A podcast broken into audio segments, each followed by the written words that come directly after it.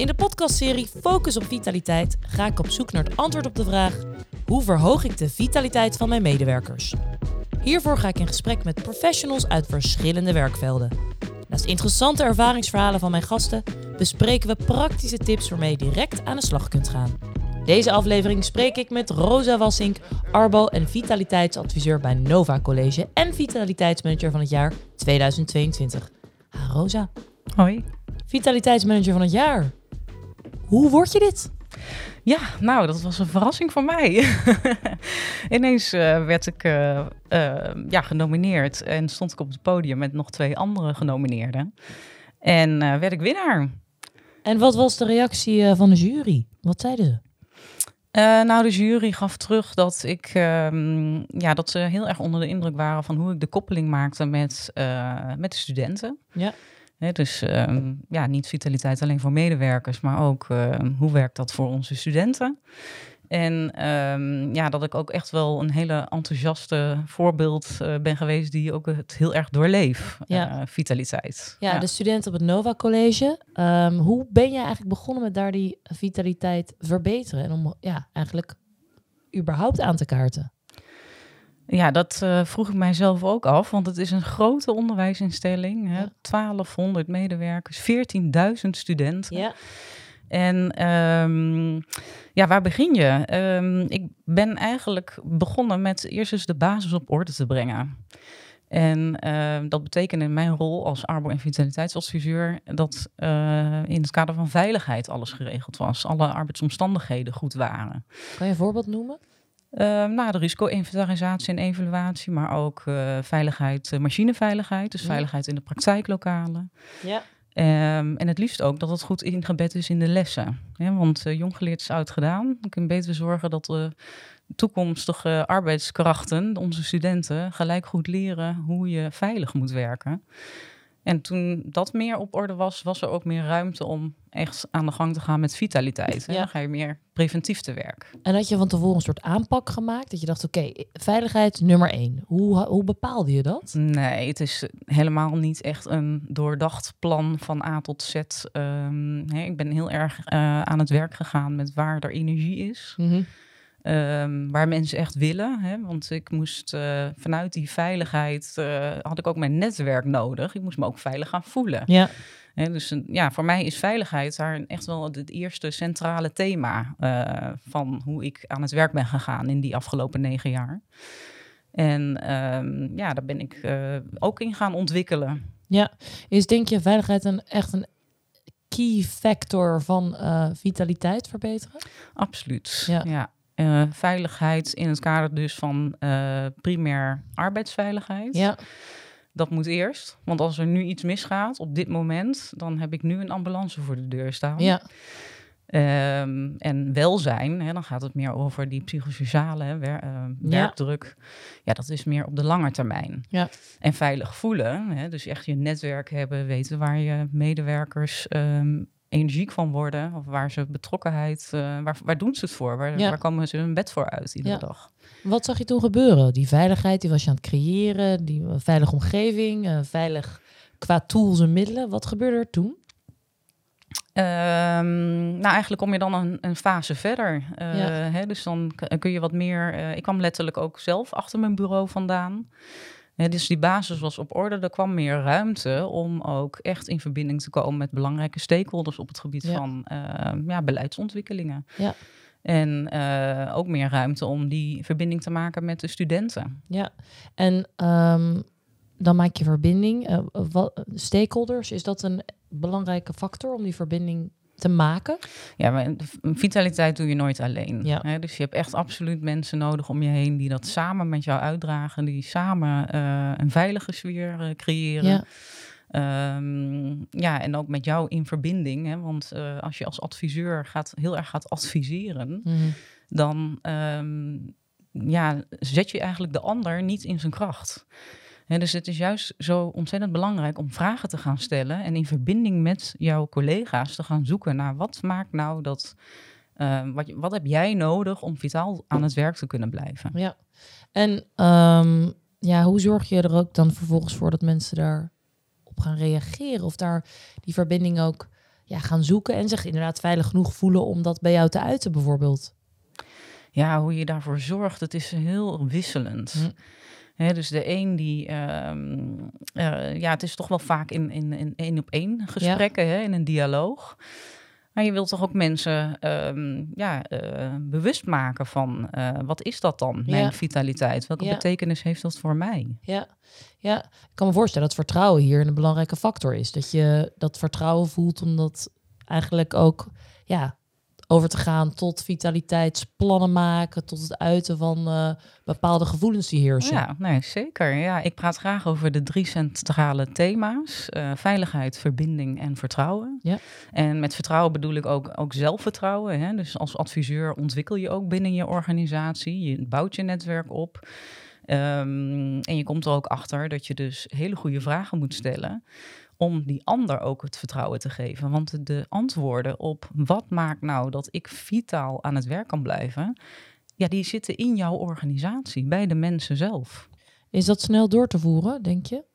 Nee, dat is een, echt een lange weg. Ja. ja het is echt een cultuurverandering. Um, en je kan altijd uh, beginnen met jezelf, zeg ik altijd. Uh, geef het goede voorbeeld. We zijn ook een school. Je leert echt van elkaar in de praktijk. Kan je een voorbeeld noemen hoe jij dat bijvoorbeeld dan hebt gedaan? Nou ja, een heel mooi voorbeeld waar ik ontzettend trots op ben, is ons werkdrukplan. Uh, vanuit uh, de wegwijzer werkdruk van TNO zijn we aan de slag gegaan. Uh, dat heb ik samen met de OR gedaan. met de ondernemingsraad dus. Hè. En um, ja, ik was eigenlijk heel erg aan het adviseren aan het begin. Heel erg aan het vertellen van nou, uh, het, uh, een belangrijk model wat werkdruk verklaart is het Job Demands and Resources model. Um, en uh, ik ging vertellen over de job demands en, de, en, de, en de resources, de energiebronnen, die belangrijk zijn om in kaart te brengen. En de OR die zat ergens anders. Zij wilde het hebben over echte werkdruk en de erkenning daarover. En dus ik leerde ook zelf van, oh, ik moet dit loslaten. Ik moet echt eh, twintig stappen uh, terug doen en niet gaan adviseren. Maar ik moet het vertrouwen leggen bij mijn collega's. En hun vragen, maar wat, hoe zouden jullie dit aanpakken? Nou, toen zijn we dus echt aan de slag gegaan met het werkdrukplan. En dat begon met vier teams. En ik dacht, nou, de moed zakte me in de schoenen, dat snap je. Ja. Um, en vervolgens, uh, ja, nu zijn we met uh, wel twintig teams bezig. En het hele middenmanagement uh, heeft kennis gemaakt met, met de wegwijzer. En ja, met, met de tools. En ze zijn hartstikke enthousiast. Dus het, het is ook een lange adem. Hè? Dus je stap voor stap uh, zorg je ervoor dat je daarin steeds verder ontwikkelt. En hoe hou je dan eigenlijk moed in zo'n doorontwikkeling en die lange adem? Ja, door echt uh, te kijken naar wat er wel is. Ja. Dus je kan echt je mindset wel ja, daarin beïnvloeden. Ik ben mezelf niet stuk gaan bijten op wat ik niet van de grond kreeg, maar vooral gaan kijken naar wat wel lukt. En dat aandacht geven, ja, zo groot mogelijk maken. Zijn dat denk je valkuilen op het gebied van vitaliteit verbeteren? Dat je vooral kijkt naar ja, misschien wel de negatieve kanten of uh, mindere resultaten of mm, ontwikkelingen? Nou, dat niet per se. Ik denk wel dat, uh, dat je sneller wil. Hè? Dat je eigenlijk zelf al wel een beeld voor ogen hebt wat je wil bereiken. Maar dat is niet, uh, ja, je moet echt rustig aan, stap voor stap um, daarin ontwikkelen. Er is geen andere weg. Ja, en wat gebeurde er toen als je kijkt naar resultaat gewijs toch wel? Nou ja, wat ik, uh, wat ik zei. Uh, ja, ook he ja, hele verrassende dingen. Uh, en dan heb ik het echt over binnen de teams, als het gaat over werkdruk. sommige teams die gingen de tool die wij hebben gebruikt daarvoor zelfs met studenten gebruiken. Um, ja, dat vond ik een super mooie ontwikkeling. Um, hè, ook weer omdat het juist de arbeidskrachten zijn voor de toekomst. Ja. Um, en ja, hoe mooi is het dat die nu al leren binnen het Nova College hoe ze vitaal aan het werk kunnen blijven. Ja. Um, een ander team uh, raakte in gesprek en kwam erachter van ja, eigenlijk zijn wij twee teams. En hoe kunnen we nou uh, werkplezier houden en elkaar uh, in plaats van frustreren energie geven? Ja. Dus die zijn weer met hele andere dingen aan de gang gegaan. Die zijn uh, elkaar uh, best, best practices gaan delen. En ja, dat, uh, is ook een super mooie ontwikkeling. Dat is, ja, het, is, het is echt op maat. Het is een, een soort ontdekkingsreis. We hadden net over dat leiderschap een belangrijk onderdeel is. Maar ik ben dan wel benieuwd, merk je veel verschil tussen leiders onderling? Zeker, ja. Wat zie je dan bijvoorbeeld? Um, nou ja, we hebben ook hele, hele verschillende teams uh, die ook uh, goed gaan op een vers ja, verschillend leiderschap. Ja. ja. dus je kan je voorstellen, binnen het Nova College hebben we de kappersopleidingen, zorg- en welzijnsopleidingen, ja. maar ook motorvoertuigen of bouwkunde. En daar zitten weer heel, ja, echt een groep mannen. die een ander soort leider nodig hebben dan de dames van zorg en welzijn bijvoorbeeld. Merk jij per team dat uh, iedere leider misschien op een andere manier een vitale leider is? Of daarvoor de juiste middelen nodig heeft? Ja, absoluut. dus de ene leider, die, uh, daar is het heel belangrijk voor om heel coachend te zijn of heel erg in gesprek te gaan met. Ja. Uh, dan hebben de medewerkers ook de behoefte om veel te praten over mm -hmm. bepaalde onderwerpen. Ehm, en ja, ik denk ook dat het een illusie is dat dat altijd de oplossing is. Hè. Sommige mensen die, die willen dat niet. Die hebben die behoefte ook niet. Die willen niet in gesprek. En de culturen binnen de verschillende teams zijn ja, daar dus ook heel wisselend in, heel, heel anders. Maar wanneer stuur je dit dan bij? Want misschien wil iemand niet praten, maar is het uiteindelijk bijvoorbeeld wel nodig om daarover te praten of over iets te praten. Ja, maar er zijn dus heel veel manieren om als uh, leider daar een uh, voorbeeld in te geven. Hè? Dus het gaat ook over je eigen gedrag. Um, en wat zien dan uh, jouw medewerkers jou doen? Mag, mag jij ook fouten maken? Kan je dat ook toegeven? Ga je, geef je dat ook terug aan je medewerkers? Ben je daar open en eerlijk over? Is daar, een, is daar een voorbeeld van een tool wat je bijvoorbeeld hebt zien gebeuren binnen een bepaald team? Hoe een leider dat heeft gedaan of daarmee aan de slag is gegaan? Um, nee, dat niet zozeer. Ik zie wel uh, um, veel teams waarin de leider um, echt uh, team coacht en veel meer de autonomie in het team neerlegt. En dat de teams zelf kunnen bepalen en inspraak hebben op bepaalde beslissingen. Um, ja, en dat, dat is iets heel anders dan dat jij als leidinggevende zegt van nou, ik wil deze bult werk uh, door jou uh, gedaan krijgen. En dus als een medewerker daar zelf over mee kan beslissen, dat maakt wel heel veel uit. Ja. En je ziet natuurlijk heel veel. Je zei het al, we zijn van vier teams naar meerdere teams gegaan. Um, hoe pakken zij bijvoorbeeld echt van dag tot dag um, vitaliteit op? Zijn er bepaalde ja, tips op programma's waar jullie mee aan de slag gaan of werkwijzes? Hoe ziet dat eruit? Ja, heel praktisch gezien. Uh, wij werken dan met de batterij. En dat heb ik samen met een um, externe adviseur, uh, Diederik Vermeulen, um, ja, gelanceerd. Um, uh, en dat is een soort praatkaart waarmee je echt een score geeft aan jouw energie. Mm -hmm. Hè, het onderwerp energie is dan toch een fijner onderwerp om over te praten dan het containerbegrip werkdruk. Hoe komt dat?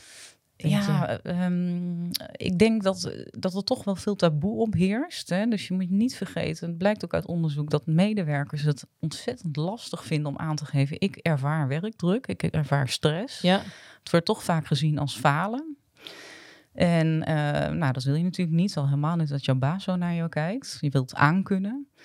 Um, nou, en het, ja, misschien heb je dat zelf ook. De ene dag kan je meer aan dan de andere dag. En waardoor dat precies komt, ja, dat blijft natuurlijk een lastig onderwerp. Het wisselt. moeten we daar misschien ook vanaf van het imago dat, dat falen nooit mag? Of dat het uh, überhaupt dat je altijd datzelfde gevoel van vitaliteit misschien moet hebben? Ja, absoluut. Ja, dat zeker. Dat, zou, uh, dat, dat kan ook helemaal niet. Hè? Dus uh, ja, ik kijk altijd naar de mens als een soort weegschaal. Ja. Um, en natuurlijk wil je wel uh, een soort van balans daarin houden, maar door allerlei uitdagingen in je leven, uh, ja, raak je die balans ook uh, vaak genoeg kwijt natuurlijk. Ja, ja. En dus het zou een illusie zijn om in balans te kunnen blijven. Ik denk dat je gewoon moet dealen met ja, de dingen die, er, die dat steeds weer uit balans trekken. Ja, en hoe kun je dat dan bijvoorbeeld toch voor zijn qua nou ja, onderling, misschien maar echt op het werk als je kijkt? Ja, nou, volgens mij gaat vitaliteit uh, op dit moment veel meer over ook een stuk zelfkennis. Ja. Um, hè, dus ja, wat, wat helpt dan? Uh, door heel goed te weten hoe dat, wat jou helpt om uh, in balans te blijven. En dat kan een rondje hardlopen zijn, gezonde voeding. Ehm, maar ook ehm, ja, stilstaan bij hoe gaat het met mij? Hm. Wat heb ik nodig om ehm, nu en in de toekomst mijn werk goed te kunnen blijven doen? Of in ieder geval eh, ja, een, een fijn leven te hebben. Dus dat gaat natuurlijk verder dan alleen werk. En ehm, je had het al over, weet je, Nova College enorm veel, nou ja, medewerkers, eh, studenten. wat zie jij nu gebeuren als we inderdaad even kijken naar of nou ziekteverzuim of andere nou ja, cijfers of data. Wat zie jij qua verandering optreden? Ja, binnen het onderwijs, ik denk dat, eh, dat er meerdere branches zijn. We hebben natuurlijk te maken met eh, tekorten, met vergrijzing, met eh, mega-innovatie, het ontstaan van nieuwe opleidingen, nieuwe beroepen, waar ook weer onderwijs voor ontwikkeld moet worden. Dus die druk is gewoon, ja, wat ik zie is dat, er, dat mensen onder druk staan. En ehm, ja, dat we echt niet moeten vergeten waar we ook blij van worden. En ehm, ehm, jij hebt gelukkig, heb jij tools die jij ook, eh, waar je mee aan de slag gaat, waar, waar jullie met elkaar aan de slag mee gaan. Ehm, hoe, eh, hoe meten jullie dan uiteindelijk ook dat geluk of die, die blijheid bij de ehm, medewerkers en collega's? Ja, dat, ja, ieder bedrijf heeft daar natuurlijk het eh, medewerkerstevredenheidsonderzoek voor, wat iedere, iedere twee jaar afgenomen wordt. Eh, maar die batterij, ehm, eh, ja, dat is, daar koppelen we ook een anonieme poll aan. Ah. Waarbij medewerkers, ehm, ja, waar je veel vaker ook eh, even de thermometer erin kan steken. Van Ja. hoe staan we ervoor? Hoe is het met jullie energie? En eh, ja, ik denk dat juist dat het heel krachtig is dat ook in een team te doen. Omdat het daarmee ehm, in de context van het team ook eh, maakt dat je elkaar kan helpen. Ja. En dat is effectiever dan een eh, individuele ehm, interventie. Hè? Dus als ik jou zou coachen, dat is iets anders dan dat we met een heel team het hebben over werkdruk. Of Ja. zo. Kan je een voorbeeld noemen van een meting van een team waarin je echt bijvoorbeeld verschil zag? Of waarin je echt verandering zag? Ehm, nee, nog niet. Ah. Er zijn nu nog. eh, ze hebben nu. eh, het is een lang proces. Ja. Eh, je, dus je begint met die meting, met die energiemeting. En ehm, eh, vervolgens ga je maatregelen verzinnen. Op wat, nou, wat hebben wij nou nodig om de werkdruk te verlagen en plezier in, aan toe te voegen. En veel teams zitten nu in de actiefase. En eh, de laatste fase is dat er, eh, dat er een evaluatie plaatsvindt. En dan Ja. zou je opnieuw kunnen meten. En ja, als een, eh, bijvoorbeeld een team een nieuwe leidinggevende heeft, dan kan de energie ook daarmee ineens heel erg Ja, veranderen. ja. Hè? Leiderschap heeft wel heel veel impact Ja. op de energie. Ja. En wat zijn die actiefases dan bijvoorbeeld? Hoe, hoe moet ik dat voor me zien? Ehm, nou, in die actiefase gaan de teams, eh, hebben de teams al geïnventariseerd van, eh, nou bijvoorbeeld, eh, wij lopen heel erg leeg op het gebied van frustraties en ergernissen. Mhm. Nou, waar gaan die frustraties en ergernissen dan over? En daar verzinnen ze dan zelf ook hun maatregelen Ah, op. ja. Ehm, hè, dus je, als adviseur adviseer je niet. Je gaat ophalen van Ja. eh, wat eh, hebben jullie nou nodig om die frustraties en ergernissen ehm, zo klein mogelijk te maken. Nou ja, dat kan ook iets zijn eh, hè, dat de, de faciliteiten verbeterd worden in de klaslokalen. Of, Ik kan me voorstellen dat hele uiteenlopende ideeën soms kunnen zijn die je ja, binnenkrijgt. enorm. Ja. Ja. Ja, een hele ja, nieuwe ideeën ook. Hè? Dus je kan ook denken aan, eh, we hebben bijvoorbeeld eh, een team gehad die ehm, steeds moest aangeven van, nou, het loopt niet goed. Ja. Eh, steeds op de mail moest andere teams weer tot de orde moesten roepen van, nou, we hebben andere informatie nodig. En ehm, dat zijn ze gaan omdraaien. Dus ze zijn gaan zeggen van, nou, nu is het heel erg goed gegaan. Dankjewel, dikke duim. Ja, ja. en ehm, eh, dan gaan ze aan de slag. En ik, ik zei net al tegen jou van, ja, kan je het al meten? Wat zijn nou de grootste valkuilen, toch wel, merk je, eh, niet eens binnen Nova College, maar überhaupt, ehm, om aan de slag te gaan met die vitaliteit en met die veranderingen? Wat, zou- waar zou je nou mensen willen zeggen van, oké, blijf daarvan weg, van eh, ehm, dat misstapje, of misschien überhaupt iets niet zien als misstap? Ja, dat je het zelf gaat oplossen. Ja, dus als je echt vergeet dat die verbinding eh, belangrijk is. Ehm, of dat je eh, te snel wil, überhaupt. Dat je dan denkt van nou, eh, we beginnen vandaag en eh, over Morgen drie weken is het ja, Ja. maar morgen is het gefixt, nog mooier.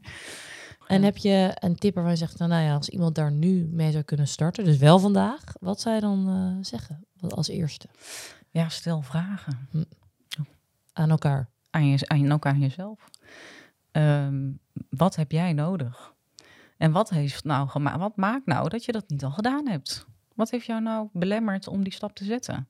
En vaak voel je dan wel heel goed aan eh, dat je misschien niet zeker bent over jouw boodschap. En heb je dus eerst nog nodig om dat goed te verifiëren bij eh, stakeholders of met eh, andere mensen. Ja, om, om dan vervolgens echt je boodschap te kunnen of je plan uit te kunnen hollen.